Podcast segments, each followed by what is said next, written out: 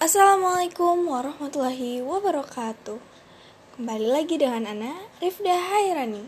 Kali ini Ana akan menceritakan tentang perjanjian Hudaibiyah Setelah enam tahun berlalu Sejak hijrah dari Mekah Rasulullah SAW berhasil mengokohkan pasukannya.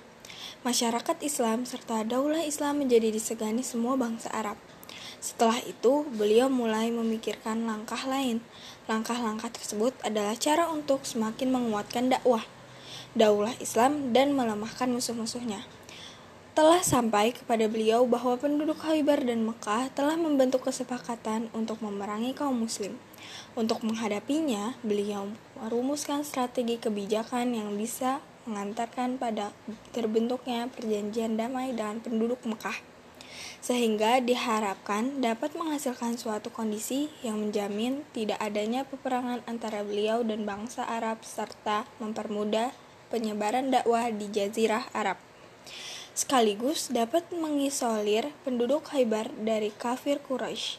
Beliau melihat bahwa strategi ini hanya bisa dilakukan dengan mengunjungi Baitullah di Masjid Al-Haram yang dilakukan dengan damai sehingga akan mengantarkan pada maksud politis beliau. Beliau juga melihat bahwa dengan tidak adanya peperangan dengan bangsa Arab di bulan-bulan haram akan memudahkan beliau untuk menerapkan strategis tersebut, mengetahui bahwa persatuan Quraisy telah terpecah dan ketakutan terhadap kaum muslim menyergap jiwa mereka. Strategi ini telah dirancang beliau dengan beribu kali pertimbangan. Karena itu, beliau berencana pergi ke Bit al-Haram untuk menunaikan ibadah haji. Jika kaum Quraisy menghalang-halangi ibadah hajinya, maka larangan itu menjadi alasan bagi beliau untuk mendakwahkan Islam di seluruh bangsa Arab. Sekaligus sebagai sarana untuk melancarkan propaganda menentang Quraisy. Karena itu, Rasulullah SAW mengizinkan berhaji di bulan Zulqa'dah dan mengirimkan beberapa delegasi ke kabilah-kabilah Arab non-Muslim. Mengajak serta mereka ikut bersama beliau keluar menuju Baitullah dan keadaan dalam keadaan aman dan damai tanpa perang. Hal ini dimaksudkan untuk memberitahu kepada bangsa Arab bahwa beliau keluar untuk berhaji bukan untuk berperang. Bersama beliau turut pula orang-orang Arab non-Muslim dan mereka tidak seagama dengannya, karena beliau tidak untuk berperang, melainkan untuk meraih opini umum yang akan berpihak kepada beliau. Seandainya kafir Quraisy mencegah beliau berhaji, beliau telah menetapkan langkah-langkah perdamaian. Karena itu, beliau tidak mengizinkan kaum muslim membawa senjata kecuali pedang-pedang yang tersimpan di dalam sarungnya. Beliau mengumumkan bahwa rombongannya keluar untuk berhaji, bukan untuk berperang. Rasulullah Shallallahu Alaihi Wasallam meninggalkan kota Madinah bersama dengan 1.400 orang laki-laki. Beliau berada di barisan terdepan menunggang untanya Al-Kiswah yang beriringan dengan 70 unta lainnya. Beliau memakai baju ihram untuk umrah agar dapat menunjukkan kepada umat manusia bahwa beliau tidak bermaksud perang. Beliau keluar hanya untuk mengunjungi Baitullah Al-Haram setelah melampaui Madinah dan melintasi gurun sejauh 6 atau 7 mil. Rombongan haji ini sampai di Zul Khalifah dan mereka mengucapkan talbiyah untuk umroh di sana. Kaum muslim terus bergerak ke arah Mekah Berita mereka sampai juga kepada kaum Quraisy yang memberitahukan bahwa kaum muslim datang untuk haji, bukan untuk perang. Kafir Quraisy khawatir hal itu hanya siasat Muhammad SAW untuk memasuki Makkah, kemudian menyerang penduduknya. Mereka memikirkan hal tersebut beribu kali dan akhirnya memutus untuk untuk menghalang Nabi Muhammad SAW untuk masuk Makkah. Seberat apa pun pengorbanan yang harus mereka lakukan, kafir Quraisy pun menyiapkan pasukan untuk menghadapi kaum muslim dan mencegah mereka memasuki Mekah. Mereka mengangkat Khalid bin Walid dan Ikhrimah bin Abu Jahal memimpin pasukan yang sangat besar. Yang pasukan berkudu, berkudanya saja berjumlah 200 orang. Pasukan musyrik keluar dari Mekah dan bergerak menuju arah rombongan yang datang untuk berhaji agar dapat mencegah mereka. Mereka tiba di Zultua lalu membangun perkemahan di tempat itu. Kabar tentang apa yang dilakukan kafir Quraisy, yaitu mereka telah mempersiapkan pasukan untuk mencegah berhaji, telah sampai kepada Nabi Muhammad SAW. Ketika beliau SAW sampai di perkampungan Asfan yang berjarak dua marhalah. Dua kali empat 4,352 km atau sama dengan 88,704 km dari Mekah. Rasulullah bertemu dengan seorang laki-laki dari Bani Ka'bah.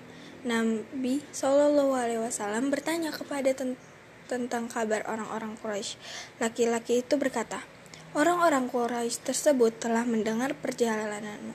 Mereka keluar dengan membawa perisai dan memakai baju kulit macan tutul. Mereka membangun perkemahan pasukan di Zutawa, tua. Di saat mereka bersumpah pada Allah akan mencegah engkau selamanya untuk masuk Mekah, dalam pasukan mereka terdapat Khalid bin Walid. Mereka bergerak maju ke Kiro al-Ghamim, suatu tempat yang jauh dari perkemahan kaum muslim di Asfan sejauh 8 mil. Mendengar kabar ini, Rasulullah berkata, Celakalah orang-orang Quraisy Sungguh peperangan telah memakan habis diri mereka. Apa yang akan mereka lakukan andai mereka membiarkan antara diriku dan seluruh orang Arab? Jika mereka memerangiku, berarti itulah yang mereka kehendaki. Jika Allah menenangkanku atas mereka, pasti mereka masuk Islam berbondong-bondong. Dan jika mereka tidak melakukannya, maka seluruh, seluruh orang Arab beserta kekuatannya akan memerangi mereka. Lantas, apa yang kafir Quraisy rencanakan? Demi Allah, aku akan terus berjihad atas dasar kebenaran yang aku diutus Allah dengannya, hingga Allah memenangkan kebenaran itu atau aku binasa karenanya. Artinya, beliau akan terus berjuang hingga memperoleh kemenangan atau mati. Di sini, beliau Shallallahu Alaihi Wasallam berpikir tentang perkara yang sedang dihadapinya. Beliau mengevaluasi kembali kebijakan-kebijakan yang telah digariskan. Beliau memang telah menetapkan keputusan menggunakan jalan damai dan tidak menyiapkan diri untuk berperang. Namun, kenyataannya beliau melihat bahwa Quraisy telah mengirim pasukan untuk memerangi dirinya. Sementara beliau tidak ingin berperang. Jika demikian kenyataannya, apakah Rasulullah SAW harus kembali ke Madinah? ataukah mengubah kebijakan damai dan beralih mengambil strategi perang. Beliau mengetahui bahwa kaum muslim dengan keimanannya mampu menghadapi perlawanan pasukan musuh dan terjun ke kancah peperangan meski mereka belum menyiapkan perang sama sekali. Akan tetapi, beliau datang bukan untuk berperang dan memang tidak menetapkan untuk pergi berperang. Beliau datang untuk berhaji dan dalam keadaan damai seandainya beliau dipaksa dan dihalang-halangi pergi haji, beliau sebenarnya mampu mengatasi hambatan ini. Beliau memecahkan persoalan ini hanya menggunakan cara damai, tidak dengan cara perang dan tidak ada akan terjun ke kancah peperangan. Kebijakan damai yang telah digariskannya Beliau memaksudkan untuk membentuk opini umum di kalangan seluruh bangsa Arab tentang dakwah Islam dan kelulu, kelulu, keluhurannya. Juga untuk membentuk opini umum di kalangan Quraisy dan di seluruh Makkah mengenai keluluh, keluhuran dakwah ini. Serta membentuk opini umum di kalangan bangsa Arab Quraisy dan penduduk Mekah tentang kesalahan Quraisy, kesesatan, kejahatan, dan permusuhan mereka. Beliau menginginkan opini umum ini bisa membentuk iklim dakwah yang kondusif karena keadaan tersebut merupakan salah satu faktor pendukung dakwah yang paling besar dalam penyebaran dan penyampaian kemenangan Islam. Berdasarkan hal ini, beliau menetapkan strategi kebijakan damai dan tidak menetapkan strategi perang. Jika tetap melakukan perang, berarti beliau telah menyal menyalahi strategi itu sendiri dan merusak aspek yang menjadi alasan beliau keluar dari Madinah. Karena itu, beliau berpikir keras tentang apa yang harus dilakukan. Dalam pikirannya, pandangan beliau mampu membaca jauh ke depan berdasarkan pengalamannya yang banyak dan kecermatan strateginya dibandingkan dengan pemikiran manusia mana pun. Dengan demikian, beliau tetap tetap meneruskan strategi damainya, sehingga tidak merusak maksud beliau sendiri keluar dari kota Madinah dan tidak menyalahinya. Sementara itu, di tengah-tengah bangsa Arab, kaum Quraisy mempunyai alasan untuk menyerang Rasulullah. Jadi, opini umum ternyata berpihak kepada kafir Quraisy daripada terhadap beliau. Karena itu, beliau menyeru rombongannya, siapa yang bersedia berjalan keluar bersama kami melalui sebuah jalan selain jalan mereka sendiri. Lalu seorang laki-laki keluar bersama mereka dan menunjukkan jalan kepada mereka. Mereka menyusuri jalan-jalan yang sulit dan bercadas di antara celah-celah gunung yang sempit. Rombongan Rasul ini melewati jalan itu di tengah himpitan kesulitan menjalani perjuangan yang melelahkan sampai akhirnya berhasil melewatinya. Mereka berjalan terus hingga Sahel dan berhenti di lembah Mekah, suatu tempat di mana dinamakan Hudaibiyah.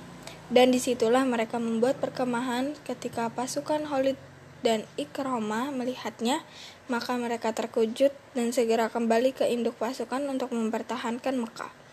Jiwa mereka panik dan ketakutan karena kaum muslim berhasil melampaui pasukan mereka dan menempati daerah perbatasan Mekah.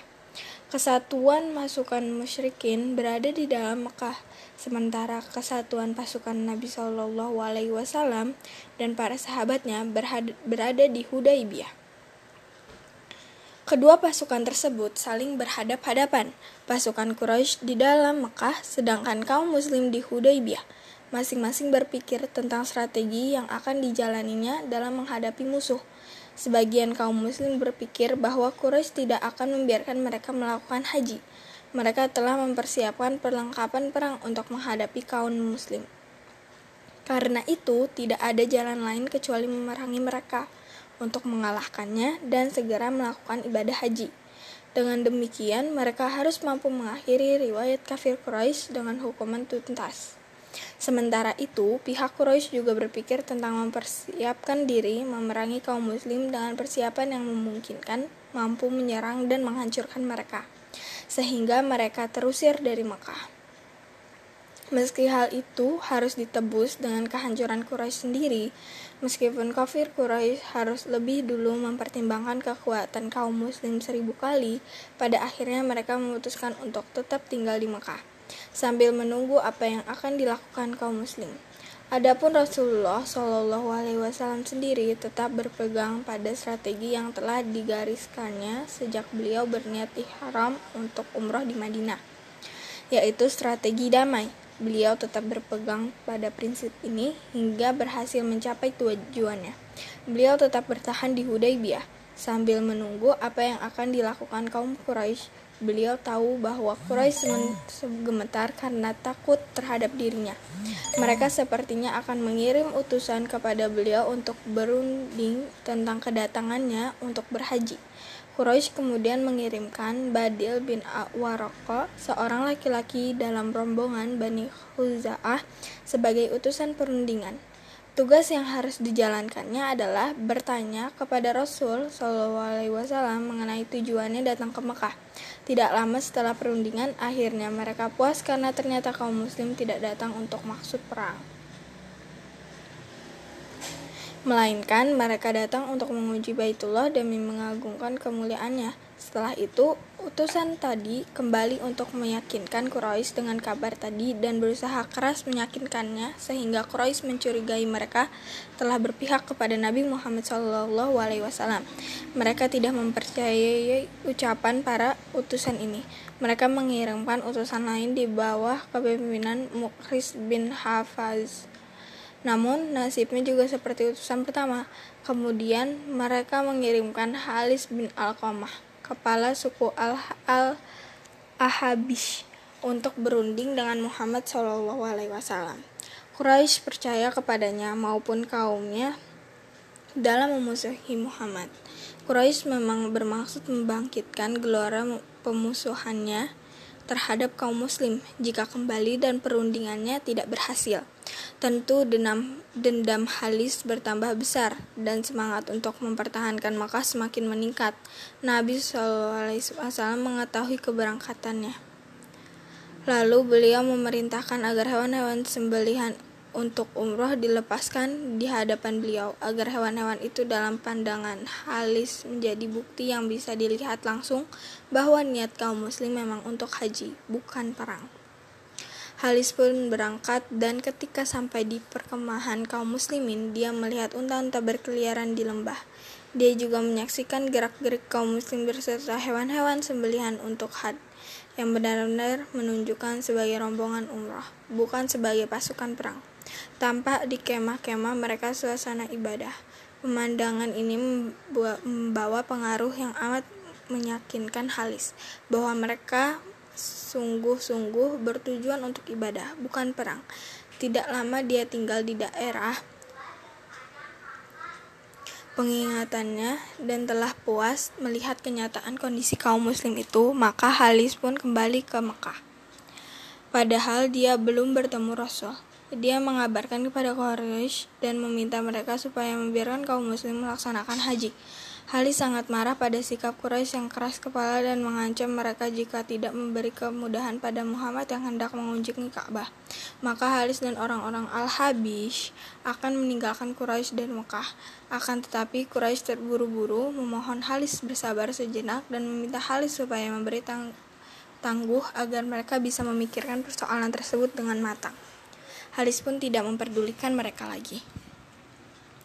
Sementara itu, Quraisy mengirimkan lagi utusan yaitu Urwah bin Mas'ud as-Sakafi. Tentu setelah mereka berhasil meyakinkannya bahwa mereka merasa mantap dan percaya dengan pikiran Urwah berangkat menemui Rasul dan mengajak berunding agar Rasul kembali kembali saja dari Mekah.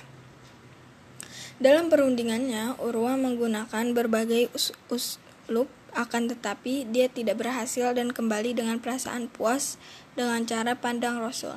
Dia berkata kepada Quraisy, "Hai orang-orang Quraisy, sesungguhnya aku pernah mendatangi Kisra di ker kerajaannya dan kaisar di imperiumnya, demikian juga Najasyi di kerajaannya. Demi Allah, aku sama sekali belum pernah melihat sebuah kerajaan pun dalam suatu kaum seperti Muhammad di tengah-tengah para sahabatnya.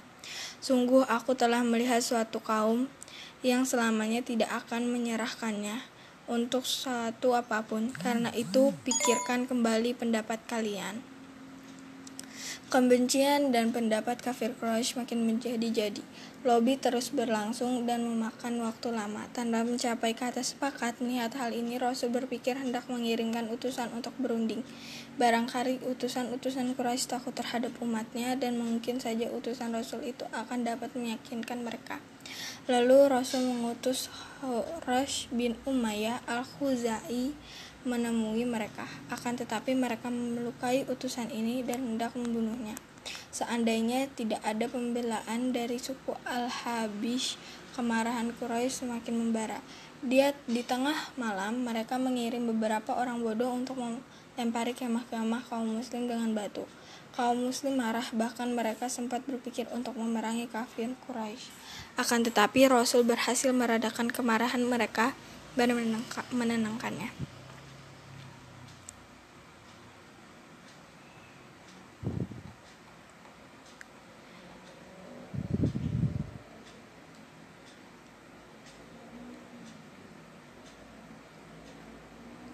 Tersiar kabar bahwa 50 orang dari Quraisy telah keluar untuk mendatangi perkemahan kaum muslim dengan tujuan menyerang dan menghancurkan mereka tanpa menyisakan seorang pun dari para sahabat Nabi.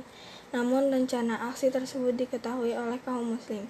Lalu mereka ditangkap dan dihadirkan ke hadapan Rasulullah. Beliau memaafkan mereka dan melepaskannya. Tindakan tersebut punya pengaruh besar di Makkah dan menjadi bukti kuat yang menunjukkan kebenaran Muhammad tentang ucapannya yang menyatakan beliau datang untuk haji, bukan perang. Dengan demikian opini umum di Mekah berpihak kepada Rasulullah. Sehingga seandainya beliau pada waktu itu masuk Mekah dan Quraisy berusaha mencegahnya, tentu akibatnya harus mereka hadapi dan penduduk Mekah serta bangsa Arab akan memusuhi mereka. Karena itu, kafir Quraisy berusaha meredam kemarahan mereka sendiri dan mencoba memikirkan lagi persoalan ini. Sedikit demi sedikit, keadaan di Mekah mulai menampakkan tanda-tanda ke arah damai. Rasulullah SAW pun ingin mengirimkan utusan yang akan berunding dengan kafir Quraisy. Beliau meminta Umar bin Al-Khattab berangkat ke Mekah, namun dia memberi alasan kepada Rasul, "Wahai Rasul, aku khawatir kafir Quraisy akan membunuhku." Sementara di Mekah tidak satu pun Bani Adi bin Ka'ab yang akan melindungiku. Permusuhan dan kekerasanku terhadap mereka sangat sengit. Akan tetapi, Aku mengusulkan kepadamu seorang yang lebih mampu daripada aku, yaitu Utsman bin Affan. Nabi SAW memanggil Utsman bin Affan dan mengutusnya menemui Abu Sufyan. Maka Utsman berangkat menemui kaum Quraisy dan menyampaikan kepada mereka misi surat Nabi. Mereka berkata, "Jika kau hendak tawaf di Baitullah, maka tawaflah." Utsman menjawab, "Aku tidak akan melakukannya hingga Rasul juga tawaf." Kemudian Utsman berunding dengan mereka tentang pentingnya tawaf Rasul. Namun Quraisy menolak usulan itu. Perundingan ini di antara mereka menjadi berkepanjangan dan terus berlangsung. Perundingan beralih dari persoalan penolakan Quraisy mengarah pada kesepakatan baru yang akan mengakomodir kepentingan Quraisy dan kepentingan kaum muslim. Mereka membahasnya dengan Utsman tentang kemungkinan membentuk hubungan antara mereka dan Muhammad SAW. Mereka juga bersikap baik terhadap Utsman untuk menemukan jalan yang dapat membebaskan mereka dari situasi sulit dan dari permusuhan mereka dengan Muhammad yang berkepanjangan. Kepergian Utsman terlalu lama di Mekah sementara tanda-tanda keberadaannya di Mekah juga tidak tampak. Sampai akhirnya tersebar isu di kalangan kaum muslim bahwa Quraisy telah memperdaya memperdaya Utsman dan membunuhnya. Kegelisahan kaum muslim memuncak dan sempat memecahkan Nabi bahwa Quraisy telah membunuh Utsman. Akhirnya kaum muslim bergolak dan goncang. Masing-masing mereka menggenggam pedangnya dan siap berperang serta membunuh. Seketika itu pula Rasul mengevaluasi kembali pandangannya tentang strategi yang telah digariskannya, yaitu strategi damai. Beliau melihat bahwa perkembangan baru itu membutuhkan peninjauan ulang terhadap kebijakannya tersebut, khususnya setelah melihat adanya tanda-tanda bahwa kafir Quraisy memperdaya Utsman dalam bulan haram. Padahal dia utusan juru runding karena itu beliau berkata, Janganlah kita meninggalkan tempat ini hingga kita memerangi kaum itu. Beliau memanggil sahabat-sahabatnya lalu diajaknya berdiri di bawah sebuah pohon seraya meminta mereka memberikan baiat kepadanya. Mereka semua berbaiat untuk tidak lari dari peperangan hingga mati. Mereka hanya berse sangat bersemangat dalam kekuatan yang luar biasa dan kebenaran keimanan ketika selesai mengadakan baiat. Rasul memukulkan Salah satu tangannya kepada lainnya sebagai tanda bayat untuk Utsman. Seakan-akan Utsman hadir bersama mereka, bayat ini dinamakan bayat Ridwan. Mengenai peristiwa ini Allah menurunkan ayatnya. Sesungguhnya Allah telah ridho terhadap orang-orang mukmin ketika mereka membaiatmu di bawah pohon. Maka Allah mengetahui apa yang ada dalam hati mereka lalu menurunkan ketenangan atas mereka dan memberi balasan kepada mereka dengan kemenangan yang dekat. Al-Fat ayat uh, surat ke-48 ayat 18. Sebelum sempurna bayat dan kaum muslim belum mempersiapkan diri terjun ke medan laga dan memasuki perang, tiba-tiba sampai kabar mereka bahwa Utsman tidak dibunuh. Tidak berapa lama Utsman kembali dan mengabarkan kepada Rasul tentang apa yang dikatakan Quraisy. Rasul menyimak dengan sungguh-sungguh lalu perundingan damai antara Rasul dan Quraisy diperbarui. Quraisy mengirimkan Suhail bin Amru untuk berunding dengan Rasul dengan agenda yang lebih luas dari sekedar masalah haji dan umroh melebar ke arah sebuah perjanjian damai yang akan ditetapkan antara beliau dan mereka dengan dasar bahwa beliau harus meninggalkan Mekah tahun ini. Rasul menerima perundingan damai dengan asas tersebut karena perjanjian tersebut telah merealisir maksud beliau dalam melakukan kunjungan ke Baitullah. Lagi pula tidak menjadi masalah baginya untuk mengunjungi Baitullah tahun ini atau tahun depan. Beliau berkeinginan mengisolir Khaybar dari Quraisy dan membersihkan rintangan antara beliau dengan bangsa Arab untuk kepentingan penyebar luasan dakwah Islam. Beliau setuju menetapkan perjanjian antara beliau dan Quraisy yang akan menghentikan perang terbuka antara beliau dan mereka maupun perang-perang lain yang mungkin terjadi secara bersusulan. Adapun masalah haji dan umroh tidak akan mempengaruhi apakah akan dilaksanakan sekarang atau ataukah tahun depan.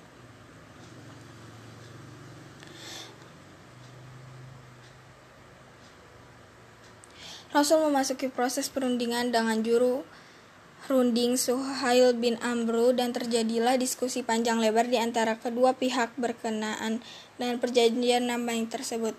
Beserta syaratnya dalam beberapa kesempatan diskusi tersebut ditingkahi beberapa instrumen dan nyaris batal. Seandainya tidak ada Rasul ke, ke dalam pengalamannya dan kejelian siasatnya. Kaum muslim berada di sekitar Rasul menyimak perdebatan tersebut dan mereka menganggap bahwa perbincangan itu berkenaan dengan umroh Ros, sedangkan Rasul sendiri menganggapnya sebagai diskusi tentang penghentian perang. Karena itu, pandangan politik kaum muslim masih sempit. Sementara itu, Rasulullah bergembira terhadap hal itu dan mengarahkan perjanjian ketujuan yang beliau kehendaki tanpa melihat rincian maupun manfaat sesaat. Kesepakatan antara kedua pihak selesai berlandaskan syarat-syarat tertentu. Sayang, sayangnya, syarat-syarat sesaat Syarat-syarat ini membakar dan membangkitkan amarah kaum muslim. Mereka berusaha meyakinkan bahwa Rasul bah agar menolak syarat-syarat perjanjian itu dan menggantikannya dengan perang. Sampai-sampai Umar bin Al-Khattab pergi menjumpai Abu Bakar dan berkata kepadanya, "Kenapa kita menerima kehinaan untuk agama kita?" Umar bersama mengajaknya pergi menemui Rasul untuk meyakinkan beliau agar menolak syariat-syariat perjanjian tersebut. Akan tetapi, Abu Bakar justru meyakinkan Umar agar ridho terhadap apa yang diridhoi Rasul, namun tidak berhasil. Akhirnya ia pergi sendiri menghadapi Nabi dan berbicara langsung kepada beliau dengan nada marah. Tetapi penjaraan Umar tidak mampu mengubah kesabaran dan kekokohan Nabi dan berkata kepada Umar, Aku adalah hamba Allah dan Rasulnya, aku tidak akan pernah menyalahi perintahnya dan tidak akan menyanyiakanku. Kemudian beliau memanggil Ali bin Abi Thalib dan berkata kepadanya, Tulislah olehmu Bismillahirrahmanirrahim, maka Suhail berkata, Aku tidak tahu apa itu, namun tulislah Bismika Allahumma. Rasul so menanggapi tulislah olehmu bismika Allahumma. Kemudian beliau melanjutkan tulislah olehmu ini adalah perjanjian damai yang disepakati Muhammad Rasulullah dengan Suhail bin Amru. Maka Suhail pun memotong. Seandainya aku beraksi bahwa engkau Rasul, tentu aku tidak memerangimu. Karena itu tulislah namamu dan nama bapakmu. Rasulullah SAW berkata, tulislah olehmu ini adalah perjanjian damai yang disepakati Muhammad bin Abdullah dengan Suhail bin Amru. Kemudian Ali melanjutkan menuliskan perjanjian di antara kedua pihak yang isinya sebagai berikut. A. Perjanjian ini adalah perjanjian gencatan senjata yang mengikat kedua belah pihak. Di antara kedua belah pihak tidak ada peperangan atau saling membunuh. B. Bahwa siapa saja dari Quraisy yang telah masuk Islam dan datang kepada Muhammad tanpa izin walinya, maka Muhammad harus mengembalikannya kepada mereka. Siapa saja yang murtad dari kaum muslim dan mendatangi Quraisy, maka mereka tidak akan mengembalikannya kepada Muhammad. Bahwa siapa saja dari bangsa Arab yang ingin ikut serta dalam kesepakatan Muhammad dan perjanjiannya, maka tidak akan dihalangi. Demikian juga siapa saja yang ingin ikut serta dalam kesepakatan dan perjanjian Quraisy maka tidak akan dihalangi. Di tahun ini Muhammad dan para sahabatnya harus kembali dari Mekah. Mereka boleh kembali dari Mekah pada tahun berikutnya. Mereka hanya boleh masuk dan tinggal di dalamnya selama tiga hari. Mereka hanya boleh membawa pedang-pedang yang tersimpan di dalam sarungnya dan tidak boleh membawa senjata lainnya. Eh, perjanjian diadakan dalam batas waktu tertentu masanya selama 10 tahun sejak tanggal penandatangannya. Rasul SAW dan Suhail mendatangani perjanjian di tengah gelora dan kemarahan pasukan kaum muslimin. Suhail berdiri dan langsung kembali ke Mekah sementara Rasul masih berada di tempatnya dalam suasana kebingungan, kemarahan dan ketidaksukaan kaum muslimin yang muncul dari semangat sikap keras dan harapan besar untuk berperang.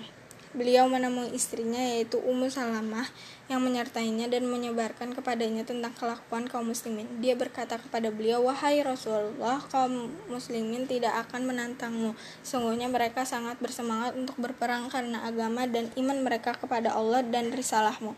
Karena itu bercukur dan bertahalulah. Niscaya engkau akan menemukan kaum muslimin mengikutimu." Kemudian kita kembali ke Madinah bersama mereka. Rasul keluar menemui kaum muslim, beliau kemudian mencukur rambutnya sebagai penutup umrah. Jiwanya penuh dengan ketenangan dan ridho ketika kaum muslim Ketika kaum muslimin melihat Rasul tetap tenang, mereka segera melalui hari, hari nahar dan ikut mencukur dan mendekkan rambut. Nabi Wasallam dan kaum muslimin kemudian kembali ke Madinah. Di tengah perjalanan pulang, turun surat Al-Fatih kepada Rasul, beliau membacakannya kepada para mereka dari awal hingga akhir. Mereka semua akhirnya yakin bahwa perjanjian ini adalah kemenangan yang amat nyata bagi kaum muslimin. Kaum muslimin tiba di kota Madinah. Rasulullah SAW telah melaksanakan strateginya dalam menyelesaikan masalah Khabar, Khaybar, menyebarkan penyebaran dakwah di luar jazirah menstabilkan kondisi dalam negeri Jazirah yang mengisi kekosongan waktu akibat adanya perjanjian damai dengan Quraisy untuk menyelesaikan permasalahan yang masih ada pada sebagian suku Arab, serta menjalani hubungan luar negeri dengan demikian sempurnalah tujuan-tujuan itu. Berkat dilakukannya perjanjian ini, beliau SAW berhasil melakukan strategi yang telah beliau susun saat akan berhaji dengan cermat. Meskipun dihadang oleh berbagai kesulitan dan kekerasan, beliau akhirnya mencapai tujuan politik yang telah ditetapkan. Sehingga perjanjian Hudaybiyah merupakan kemenangan yang nyata dan di antara hasil-hasilnya antara lain sebagai berikut. Satu, mengantarkan Rasul kepada opini umum yang mendukung dakwah Islam di seluruh bangsa Arab pada umumnya khususnya. Hal itu menyebabkan semakin kuatnya kewa, kewibawaan kaum muslimin sekaligus melemahkan kewibawaan Quraisy. Dua, menyingkap kepercayaan kaum muslim kepada Rasul, menunjukkan kekuatan iman kaum muslimin dan kekokohan mereka dalam menghadapi mara bahaya sekaligus bahwa mereka tidak takut mati. Tiga, mengajarkan kepada kaum muslimin bahwa manuver politik merupakan sarana dakwah Islam. Empat, menjadikan kaum muslimin yang masih tinggal di Mekah di tengah-tengah kaum musyrikin untuk membentuk kantong-kantong dakwah di dalam jantung barak musuh. musuh. 5. Menjelaskan bahwa torikoh dalam politik harus berasal dari fikroh itu sendiri dan disertai kejujuran serta memenuhi janji. Sedangkan sarana politik harus mencermin, kan kecerdikan yaitu menyembunyikan sarana-sarana dan tujuan-tujuan politis yang sebenarnya dari pandangan musuh. Sekian dari Ana Rifda Hairani. Wassalamualaikum warahmatullahi wabarakatuh.